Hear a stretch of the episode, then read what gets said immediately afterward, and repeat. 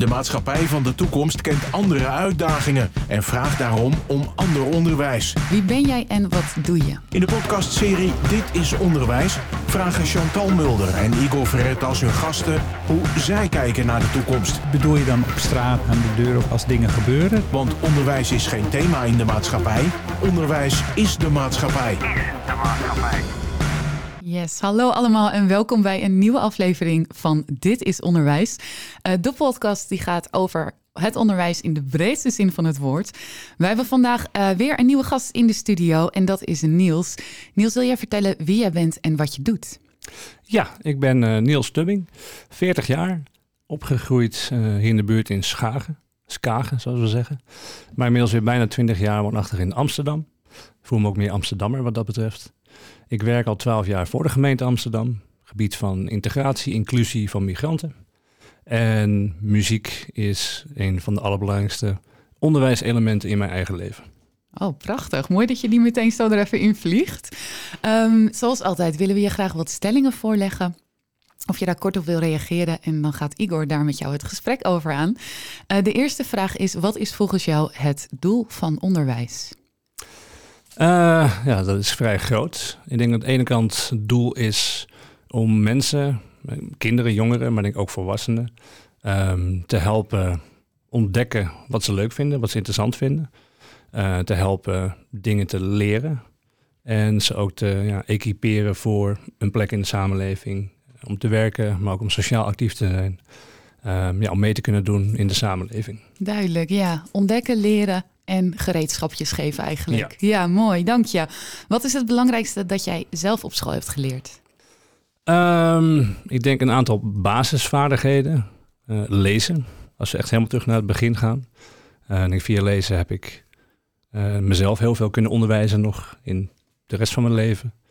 Um, ook denk ik in latere stadia misschien meer kritisch zijn. Niet alles klakkeloos aannemen. Dat is ook iets wat je ja, een soort vaardigheid die je aangeleerd moet krijgen. Zeker, ja. Um, ja, en ik denk ook omgaan met informatie, uh, informatie kunnen delen met anderen, jezelf uh, kunnen duiden en ja, zaken kunnen toepassen in de rest van het leven. Ja, dat is ja. best veel nieuws. Het is een lange onderwijscarrière ja. geweest. ja, maar wel veel met communicatie hoor ik hierin. Uh, vind jij dat leren leuk moet zijn? vind ik een lastige ding. Ja en nee. Kijk, voor de beste resultaten moet leren denk ik wel leuk zijn, vooral denk ik voor jongeren. Als ik naar mezelf ook kijk, ja, als ik iets totaal interessant vind, is het een veel grotere drempel om te leren. Um, dus ja, dat kan zeker helpen. Ja. Uh, de manier waarop, uh, ook het onderwerp. Mm. Uh, maar er zijn ook een aantal zaken, denk ik, die ja, een soort basisvaardigheden die je gewoon soms nodig hebt. Of als je een specifiek beroep wil doen, dat je bepaalde dingen moet leren. Ja, die niet misschien per se leuk zijn, maar wel noodzakelijk. Ja. En die misschien wel leuk worden op het moment dat je door hebt dat je iets kan, zeg maar. Of dat ja. je iets weet. Of dat je het kan toepassen of zo. Ja. ja, dank je. Als je iets zou willen toevoegen aan het huidige onderwijs, wat zou dat dan zijn? Um, ik denk dat een belangrijke is, ik zelf de laatste jaren zie, uh, mediawijsheid. In de zin van ja, media begrijpen, kritisch zijn. Ik denk vooral met social media. Ja. Um, waar komt informatie vandaan? Wat betekent dit? Wat is het doel van de informatie? Mm. Uh, wie deelt deze informatie? Ik denk dat het heel belangrijk is voor, denk vooral voor jongeren en kinderen, dat ze daar kritisch mee om kunnen gaan en begrijpen ja, wat die informatie is. Ja, duidelijk. Ja. Uh, waar moeten we dan absoluut mee stoppen in het onderwijs? Um, absoluut stoppen vind ik lastig, maar ik misschien iets minder meetmomenten inbouwen. Uh, alles moet natuurlijk tegenwoordig gemeten worden. Mm -hmm. En dat kan soms handig zijn, maar vaak denk ik dat het doel van hoger rand ook is om efficiënter te kunnen zijn, kostenbesparend kunnen zijn. En ik vind onderwijs hoeft niet efficiënt te zijn. Ja. Onderwijs moet zijn doel dienen. Dat is een overheidstaak die niet ja, per se wel beknibbeld moet worden en alles gemeten moet worden. Ja, en die niet lean hoeft te zijn bijvoorbeeld. Nee. Ja. Ja, uh, nu een stelling. Het indelen op basis van een gemiddelde zorgt voor een tweedeling in de maatschappij. Gemiddelde als cijfers dan, bedoel je dan? Of... Dat zou kunnen. Um, ja, soms wel aan de ene kant. Misschien wel een twee of drie of vierdeling. Op verschillende niveaus die ingedeeld worden. Um, dat hangt een beetje af met het meten ook weer, denk ik. En, en Mhm. cijfers geven. Het zal deels nodig zijn bekijken van waar kan iemand heen, waar staat iemand. Um, maar ik kan me voorstellen dat het niet altijd nodig is. Dat dat er andere manieren zijn om te kijken van waar staat iemand, wat heeft iemand nodig, uh, waar wil iemand heen. Ja. En ja, sommige mensen willen een hele andere kant op dan andere mensen. En als je die op dezelfde manier meet, ja, dan kun je Mhm. wel een soort tweedeling creëren. Ook in het gevoel van mensen die er niet hoeft te zijn. Ja, precies. In het gevoel. Zeker, ja. Ehm, nou ja, dan vermoeden we al het antwoord op deze vraag. Eh, toetsen en cijfers geven werken demotiverend. Eh, ja, dat kan ook twee kanten op gaan, denk ik. ik bedoel, ik neem aan als iemand heel hard studeert of leert en een hoger cijfer krijgt dan verwacht, dat het ook motiverend kan werken. Ehm, maar kan ook precies andersom werken natuurlijk, juist demotiverend. En ik denk dat toetsen en cijfers worden nu vaak als een soort eindpunt gezien. Ja. Dit heb je bereikt, punt. Maar ik denk dat ze veel meer als een soort ja, gespreksbeginningspunt eigenlijk zou moeten worden gezien. Je bent nu hier, waarom? Waarom weet je dit niet? Waarom weet je Mm. dat wel? Wat heb je nodig? Hoe kunnen we hiervan verder gaan? Juist. Dus ik denk als je het minder als een soort afsluiting ziet, maar als een ja, startpunt voor discussie, dat je dan wel motivatie eruit kan anders, hè? halen. Meer, meer eh, formatief toetsen. Is dat eh, de term in onderwijsland dan? Dat zou kunnen, ja, hoor. Ja, ja. ik aan jou. Ja, ik, ja, de, ja, dat is wel een trend op het moment. Dat je ook kijkt inderdaad van niet alleen je toets terug, cijfer terug en eh, nou, volgende hoofdstuk. Maar wat, wat, wat is er gebeurd? Wat heb je opgeschreven? Wat snap je goed? Waar heb je nog kennis nodig? Op een Ja. andere manier daarnaar kijken. En ook kijken of het echt een momentopname was. Of niet, hè. er kan iets gebeurd zijn. Nou, zenuwachtig is, of ziek is, of iets Ja. anders gebeurd is. En dan word je op dat moment afgerekend. Terwijl je eigenlijk meer ja, een lange periode zou willen beoordelen. Precies. Mooi gezegd. De laatste is: kinderen worden nu prima voorbereid op de uitdagingen van de toekomst. Vind ik lastig. Ik heb zelf geen kinderen. dus Ik ben niet echt op de hoogte wat kinderen precies meekrijgen, eh, het onderwijs. Ik zie wel natuurlijk mensen die nu de samenleving ingaan. Ja, En vooral als ik in Amsterdam kijk, dat veel mbo-leerlingen toch bepaalde vaardigheden heel erg wel hebben, maar ook een aantal vaardigheden niet. Dat ik denk dat ze niet altijd goed worden voorbereid. Mm. Dat er misschien wat meer aandacht moet zijn ook voor ehm, ja, wat ze dan de soft skills noemen, of de, de softe vaardigheden. Van hoe ga je om? Niet alleen hoe moet ik iets maken, maar hoe ga ik het gesprek aan met mijn opdrachtgever daarover?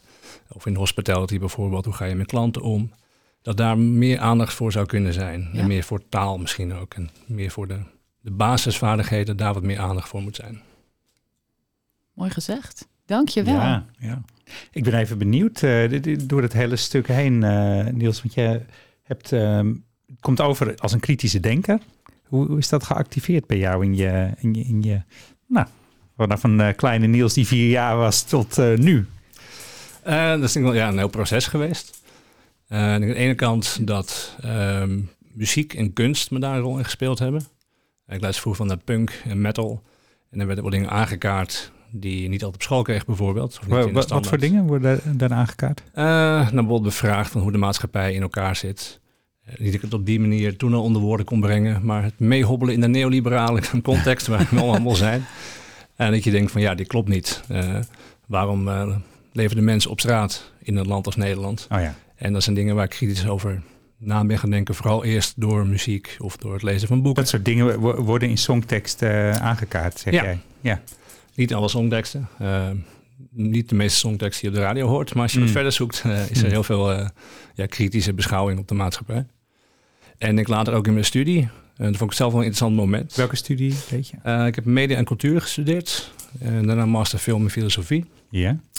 En ik weet nog goed dat ik in het begin, dan lees je stukken en teksten en readers. En dan denk je, oh, interessant. Oh, het zal allemaal wel. Oh, tof, ik leer dit allemaal nu. Dat ik me ook afvroeg van, wanneer komt het punt dat ik denk van, klopt dit eigenlijk allemaal wel? Ja. En ik ben heel goed dat ik een keer een stuk las, waar ik er met een pen doorheen ging en naschreef. Bullshit, onze argumentatie klopt niet, slechte Oh ja. verwijzing. Oh ja. Dat je denkt van, oh, ik ben nu, wat ik begin zei, geëquipeerd eigenlijk nu om Ja. kritisch te zijn. Waarvoor je wel eerst kennis op moet doen natuurlijk soms. Ehm, dus dat was ook wel een moment dat ik dacht van, ja, nu besef ik wel dat ik ook zelf een mening en een idee heb en daar wat mee kan doen dan. Ja, en wat ik merk, je pakt ook in de, in de stellingen die, die eigenlijk proberen zwart-wit te pakken, pak je, ja, lastig zeg je, twee kanten. Je pakt vaak meerdere perspectieven. Ja. Is, is het ook een kenmerk van jou en wat je doet? Ja, ik denk dat dat een hele belangrijke is. Perspectief, ik denk dat is wel een toverwoord. Ik denk dat we allemaal opgroeien vanuit een bepaald perspectief. Waar je opgroeit thuis, in je gezin, eh, je omgeving, je dorp of stad, het land waar je, waar je woont. eh, de school waar je zit natuurlijk ook. Ja. En dat je in kunnen leven in het perspectief van een ander ook een belangrijk ja, onderdeel misschien wel is van onderwijs. Ja, dat zou misschien wel een van die soft skills kunnen zijn waar je het net over had. Bijvoorbeeld ook als je ja, irriteert aan iemand die langzaam voor je fietst. Wat prima is, dat mag, dat is een reactie. Dat je ook kan denken, misschien heeft die man wel iets aan zijn rug. Of die vrouw, of iets aan zijn voeten. en daarom is het misschien eh, dat hij zo langzaam fietst. En dat is een, een, een simpel voorbeeld. Ja, maar stap even in de schoenen van een ander. Ja. Of ja, waarom is iets zo? Ja, Zonder meteen te oordelen. Ja. Stel, stel eerst een vraag of, of stel geen vraag en hou rekeningen mee. En, ja, mooi, mooi. En eh, in, in jouw werk, hè, kun je iets meer daarover vertellen? wa- Wat je daar doet en hoe dit eh, jou van pas komt?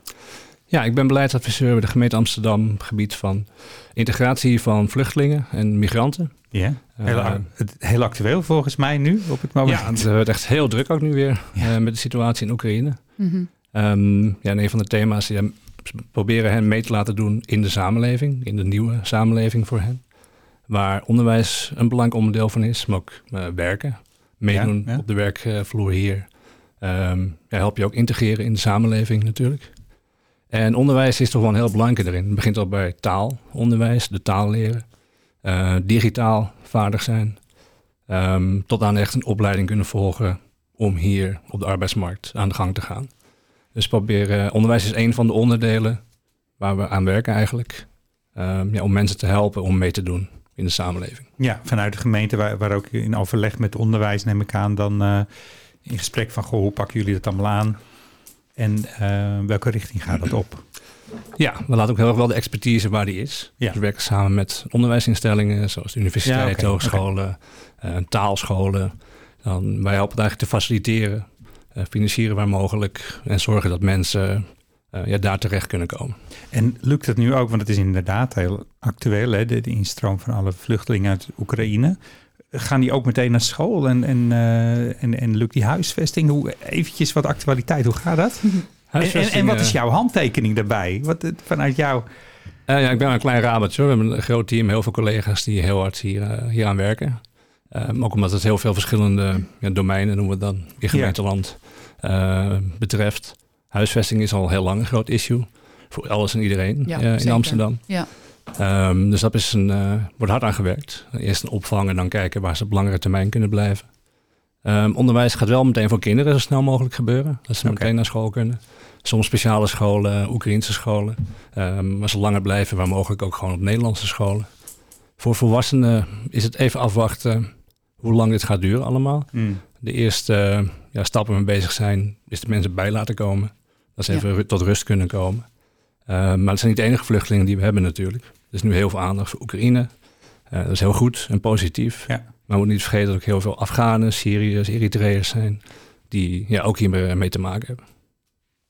Ja, dus het is, eh, het is veel groter, maar wel, wel veel drukker op het moment, Ja, eh, denk ik. En jij bent, eh, ik hoor- je, je zei, ik kom uit Schagen en daar op een eh, school gezeten vroeger, basisschool. Wat, wat, is, ehm, wat, wat kenmerkte jouw basisschool? Wat heb je meegekregen daar? Eh, en ik ben geboren in Schagen, maar opgegroeid in Sint Maarten. Dat een klein dorpje vlak naast. ja. Dus daar ging ik naar de basisschool. Eh ja, het was een hele kleine basisschool. Ehm, twee groepen in één klas. Vijf, Ja. zes, zeven, acht. Ja, dat was sympathieke school. Hmm. Klein. Ik heb nog steeds ja, iets van acht vrienden die ik nog steeds ken sinds mijn zesde van, Ja. van die basisschool. Dus dat heeft wel echt bijgedragen, denk ik, de kleinschaligheid daarvan. Ja. Ehm, ja, mij goed voorbereid. In ieder geval on- inhoudstechnisch voor de middelbare school. ja. je, ba- je basisvaardigheden Ja. waar je het steeds over hebt. Maar Ja. het was ook heel sociaal eigenlijk daar in een klein dorp. En eh, daarna heb ik middelbare school in Schaken gegaan. Ehm, dezelfde school waar Chantal ook gezeten heeft. ja, Daar kennen jullie elkaar ook van. daar kennen wij elkaar ook van. Ja, Ja. een lange Kijk nou. geschiedenis. Ja, Ik heb er zeven jaar rondgelopen, één jaar extra dan de bedoeling was. bonusjaar. Een ja. bonusjaar. Ehm kwam Wa- Was, ik... was dat goed? Wa- Wat, wat vind jij van, van... Dat was in mijn ogen dan zitten blijven? Of, of was het een bewuste keuze? Of hoe werkt dat? En ik ben gezakt voor mijn examens, eerste jaar Ah, op VWO. ja. En dat kwam ook deels omdat ik wel heel kritisch bezig was, aan het leren was, maar niet met de Ja. dingen die in het schoolcurriculum stonden. Nee, oké. Dus ik was iets te veel met eh, maatschappijkritische dingen bezig en met eh, muziekteksten en boeken lezen. En dus dat, ik wist eigenlijk van tevoren al dat ik het niet ging halen dat jaar. Dus jij is- ging eigenlijk aan op, op iets anders. Was Juist. heel actueel voor jou. Ja, En, en kon school daar dan bij aansluiten? Of, nee, niet altijd. Hmm. Ik zeg dat ik het zelf ook niet actief geprobeerd heb hoor, om dat te laten Ja. aansluiten. Ja, maar je ervaart in ieder geval wel een beetje een mismatch tussen waar jouw interesses en jouw passies lagen en wat het reguliere onderwijs jou aanbood. Ja, dat was ook omdat wij moesten nog een vakkenpakket kiezen nog, wat je toen nog had. Ja. En er werd heel erg gestimuleerd om heel veel beta-vakken te doen, zoals scheikunde, wiskunde B, eh, ja. economie 2. Want dat had je nodig op al die studies. En daar ben ik op gezakt, want alle talen had ik altijd hoge cijfers. Ehm Dus nooit eigenlijk, nodig had. eigenlijk een andere kant op Ja. gedreven dan, of zo? En dan ga je dan toch in mee, denk ik, op een bepaalde manier. Hmm. Ehm, maar ik heb het nooit nodig gehad voor welke studie of wat dan ook in mijn vervolgopleiding. Maar het is eh, ik denk lastig om ja, zo'n curriculum ook individueel dan aan te laten sluiten bij elke leerling. Om, maatwerk te maken. Ja. Maar- Want hoe doe je dat? Eh, Chantal, jij werkt op een voortgezette onderwijsschool. Herken jij wat Niels zegt? Kun, kun je, is dat moeilijk, dat maatwerk? Nou ja, er is nu in ieder geval een levendige discussie gaande tussen eh, moet onderwijs eh vraaggestuurd of aanbodgestuurd zijn. Op dit moment is het natuurlijk heel erg aanbodgestuurd. Ja. De docent bepaalt wat de lesstof is en wat leerlingen moeten meekrijgen, vaak om een diploma te kunnen halen. Ja. Eh, en ja, in mijn optiek wordt de vraag te weinig gesteld van wat is nou het doel van deze kennis die we bijbrengen en wat wil je daarmee bereiken of wat is de behoefte van de leerling. Ehm, dus er is een transitie gaande. ehm, en die kan wat is mij dat- betreft is niet snel te- genoeg. Maar, en is het te doen? De- zie, jij, zie jij het voor je? Dat, dat jij en je collega's dat die echt iedere leerling zien, echt maatwerk doen, echt kijken waar ligt de interesse, talent op dit moment? Ja, 100 procent. Ja? ja, maar dan geloof ik wel dat we ons onderwijs anders moeten gaan inrichten. En wat bedoel je ermee? Dan ga je bijvoorbeeld afstappen van eh, heel veel hokjes, zoals vakken, zoals eh, ehm, nou ja, dat soort dingen. Je kunt natuurlijk met elkaar overeenkomen dat een aantal basisvaardigheden nodig is. Hmm. Bijvoorbeeld, hè, jij hebt het Niels over taalvaardigheid. Ik geloof dat ehm, hoe taal werkt, werkwoordsvervoegingen, dat soort dingen, dat hoef je niet en bij Frans en bij Duits en bij Engels en bij Nederlands te leren. Dat kun je best één keer aanbieden. Dan heb je heel veel tijd over. En die zou je dus Ja. kunnen aanpassen op wat de leerlingbehoefte is.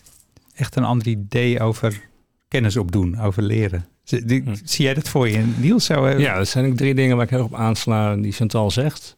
Ik denk, ja, die, die vaardigheden. eh, wij, niet zelf, maar onze taalscholen geven dus taal aan migranten of vluchtelingen. ja, in Amsterdam. ja. In Amsterdam, Ja. ook in andere steden in, Ja. in Nederland.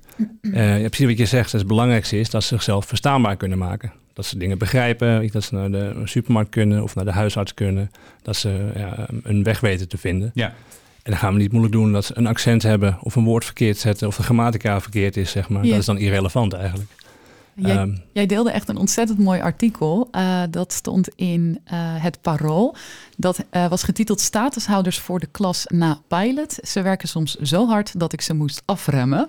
Weet je nog een beetje waar dat artikel over gaat? Ja, we hebben dus een van de projecten die we doen, de gemeente Amsterdam, ook samen met de afdeling onderwijs, is dat we eh, vluchtelingen, die we statushouders noemen, ze hebben Oh een ja. officiële asielstatus dan, die eh, in een land van herkomst onderwijzer waren of onderwijzeres, eh, de kans willen geven om dat ook in Nederland te doen. Ja, zo. Dat is dan vooral meer op de, de beta-kant in eerste instantie, omdat het minder talig is. Mhm. Ehm, je kan ook moeilijk docent Nederlands worden hier als je de Nederlandse taal niet helemaal goed machtig bent. Eh, maar dat is ook weer dat maatwerk van wat past, wat is jouw achtergrond, wat wil je, wat kunnen we bieden, wat zijn de mogelijkheden. Ehm, dus dat geldt voor dat project, maar ook eigenlijk voor iedereen. We kijken van wat is jouw leerbaarheid, wat is je niveau, wat is je motivatie, eh, wat is haalbaar voor jou. en, en wat zie je terug in, dat, in die pilot? Eh, nou, dat is degene die eh, de slagen daarvoor echt super enthousiast zijn. Ja. Eh, echt keihard werken, heel veel plezier werken. En dat ik overbrengen op de klas, op de, op de leerlingen. Ehm, ja, dat je ze ook echt ziet als mensen of als docenten. ja in plaats echt- van als migranten, nieuwkomers. Ze doen een bijdrage echt Ja. meteen. Ja. En ze willen heel graag een Ja. bijdrage. Dat geldt überhaupt voor bijna 90% van de vluchtelingen. Die willen Mhm. heel hard werken, heel veel bijdragen. En dat is eh, ja, mooi om te zien. eh. Ja, en wat Ja. jullie dus eigenlijk doen, als ik het zo hoor, is jullie halen de, ehm, zeker in onze Nederlandse cultuur, heel veel verplichtingen en, en hokjes en aan de juiste administratieve dingen voldoen, halen jullie weg. En je kijkt naar de persoon en hoe kan je die persoon eh, laten shinen eigenlijk. Ja, we kunnen ze niet allemaal weghalen. Dat zijn heel veel namelijk wettelijke verplichtingen Ja, en wettelijke logisch. taakstellingen waar we Ja. aan moeten voldoen. En zij ook, eh, de inburgering bijvoorbeeld. Ja. Maar wel binnen die wettelijke beperkingen eigenlijk bijna eh, zoveel mogelijk kansen zien en bieden. En zorgen dat iedereen zijn of haar weg daarin weet te vinden ook. Ja, Ehm, en daarbij ook uiteindelijk een plek in de samenleving vindt. Ja, want jullie zijn ook bijvoorbeeld hè, ongedocumenteerde jongeren eh, die toch toegang kunnen krijgen tot hoger Chantal, wa- onderwijs. wat zijn ongedocumenteerde jongeren? Nee, er zit hier een expert. wat zijn die? hebben, we, zijn- hebben we dan ook gedocumenteerde jongeren? Eh, ja, dat zijn. Nou ja, ga jij het vertellen Ja. alsjeblieft. Ongedocumenteerd is eigenlijk de wat neutralere term die eh, wij ook gebruiken ehm, voor mensen die geen officiële papieren hebben, geen officiële verblijfsvergunning hebben. Oké. Die sommige mensen uh, denigrerend illegaal noemen. Ehm, wij noemen Dat heet nu ongedocumenteerd. Ja, tenminste dat, dat is in de, de, de, de goede kant van de ambtenarij noemen ze een ongedocumenteerde. Oké. Er zijn ook politici die hen graag illegaal noemen. Ja. Uh, maar daar doen wij niet aan mee. Um, ja, maar zolang die mensen hier zijn, en vooral als het om jongeren gaat of kinderen gaat, um, ja, biedt hen ook kansen, ook, zelfs als ze terug moeten, dat ze daar ook een weg kunnen vinden. Mm. Um, of ja, of is het kans dat ze hier toch blijven. En als je ze dan al iets aangeboden hebt, kunnen ze sneller meedoen. En iets terug doen ook voor de maatschappij. Ja. Dan als je ze ja, laat wachten en ze mogen helemaal niks doen. Ja, ik proef heel erg blijven in mensen investeren. Onge Ja. Ongeacht de de status, situatie, blijf altijd in mensen investeren. Ja. Zeker, ja. Hey, en je, je hebt een, een, want de tijd vliegt, Niels, je hebt ook een andere kant, een, een privékant. Wat, wat doe je daar allemaal, wa- wat ook onderwijs een beetje eh, zou kunnen raken of raakt? Ehm, nou, ik lees echt heel veel. Ehm non-fictie, fictie. En ik denk dat je zowel onderwijs kan halen uit eh ja, non-fictie, eh, feitelijke boeken, of het nou historisch is of filosofisch of Ja. meer wetenschappelijk. Maar ook uit romans en kunst. En dat ehm, ja, voegt iets toe aan hoe ik zelf naar de wereld kijk en ook hoe ik met mensen praat. En ja, m- ja, mensen onderwijs, dat klinkt zo raar in je privéleven, maar Ja. dat je met mensen praat en probeert eh, dingen te delen. Ja, je en leert van elkaar. Ja. Zo, je leert en beïnvloedt soms, brengt mensen op ideeën, Mhm. eh, creëert. Ja. En, en, en kunst en muziek, zo'n kant. Als je jou even googelt, dan komt er ook allemaal mu- muziek bovendrijven, kunstuitingen. Wat Ja. doe je? Nou, wat ik zei in het begin, dat ik zelf veel geleerd heb of kritisch ben geweest. eh, ook doordat ik muziek heb ge- geluisterd en tekst heb eh, gehoord. Dat probeer ik zelf ook een beetje te doen. Ik ben zelf ook tekstschrijver en zanger in een band. Oh, tof Ehm, zeg. Daar zit ook wel humor en onzin in. Maar over het algemeen wil ik wel dat mijn teksten ergens over gaan. Ja. En dat kan heel breed zijn, heel specifiek zijn. Of iets eh, meer filosofisch of abstract zijn. Maar wel met het idee, ik wil over iets zingen. Ook is er maar één iemand die hier iets uithaalt. Dat het iets eh, bijdraagt zeg maar, aan, aan kennis of gevoel of dan, is het, dan is het al genoeg. Je, je proeft eigenlijk van, van Niels, wanneer kom je bij ons op school een keer? Want ik zie Chantal kijken. Ja, Ik ben voor sowieso. Ik kom graag langs om een liedje te zingen. ja. Eh, Ja, dat is het. Hè. Dit is onderwijs proberen we ook erg te verbinden. Je, je hoeft niet meteen allemaal in het onderwijs te werken. Maar we hebben het vermoeden van als, als onderwijs er komt er een heleboel op ons af. En we kunnen dat eigenlijk niet meer alleen. Dus maatschappij helpt ons ook. En neem leerlingen ook eerder op in de maatschappij. Laat ze kennis maken, laat ze delen. Dus, dus dit soort initiatieven. Jij zegt, nou, weet je, song, songteksten schrijven. Iets van betekenis op papier. Op, met muziek combineren. Dat, ehm, ja, is dat wat Nou, Chantal? mooi, Zit- mooie ingang. Ja. Uh, nou ja, wat mij betreft wel. Ehm, ik weet niet of ze me verstaan dan, hè, want het is wel bepaalde muziek. eh, Ja, ja, je moet er wel een eh, filtertje op zetten om het weer eh, verstaanbaar te krijgen. Eh, maar dat is wel natuurlijk een mooie vraag. Wa- Wat zou jij kunnen toevoegen aan het onderwijs? Oeh, ja, dat vind ik lastig. Ik denk in mijn, ja, in mijn werk probeer ik zoveel mogelijk mensen toe te leiden naar onderwijs. Of het nou eh, formeel is of informeel. Mhm. Eh, dat te faciliteren. Niet alleen natuurlijk, samen met Ik collega's. voeg daar maar- al toe eigenlijk. Ja. Ja, dat is denk ik wat we, wat we doen. Ja, en, en privé mensen enthousiast maken, dat probeer ik heel erg. Of het nou muziek is, of boeken, of onderwerpen, of thema's, of dingen die in de krant staan. Ja, ja. Eh, soms boos met een vingertje van kijk wat hier staat. Ja. En soms heel erg, dit is echt zo interessant, lees dit eens of kijk hier eens naar. En op die eigenlijk, manier, eigenlijk vlammetjes ontsteken. Hoor, dat vind hoor ik een hele mooie Ja? omschrijving, Igor. Ja. Vlammen ontsteken die eigenlijk wat, wat verborgen aanwezig zijn. Die, eh, Maar ja, want uiteindelijk is het aan de mensen zelf om dat... daar, daar zie ik jou ook van eh, opleven als je het zo vertelt. Ja, Ja, dat Ja. klopt wel. Superleuk. En dat vraagt erom dat we hier nog een half uur over verder gaan praten. Maar dat, dat is er goed. zit een heel kritische manier, meneer naar ons te kijken... die zegt dat we toch wel richting een afronding moeten. Ehm, dan wil ik graag nog een quote aan jou voorleggen.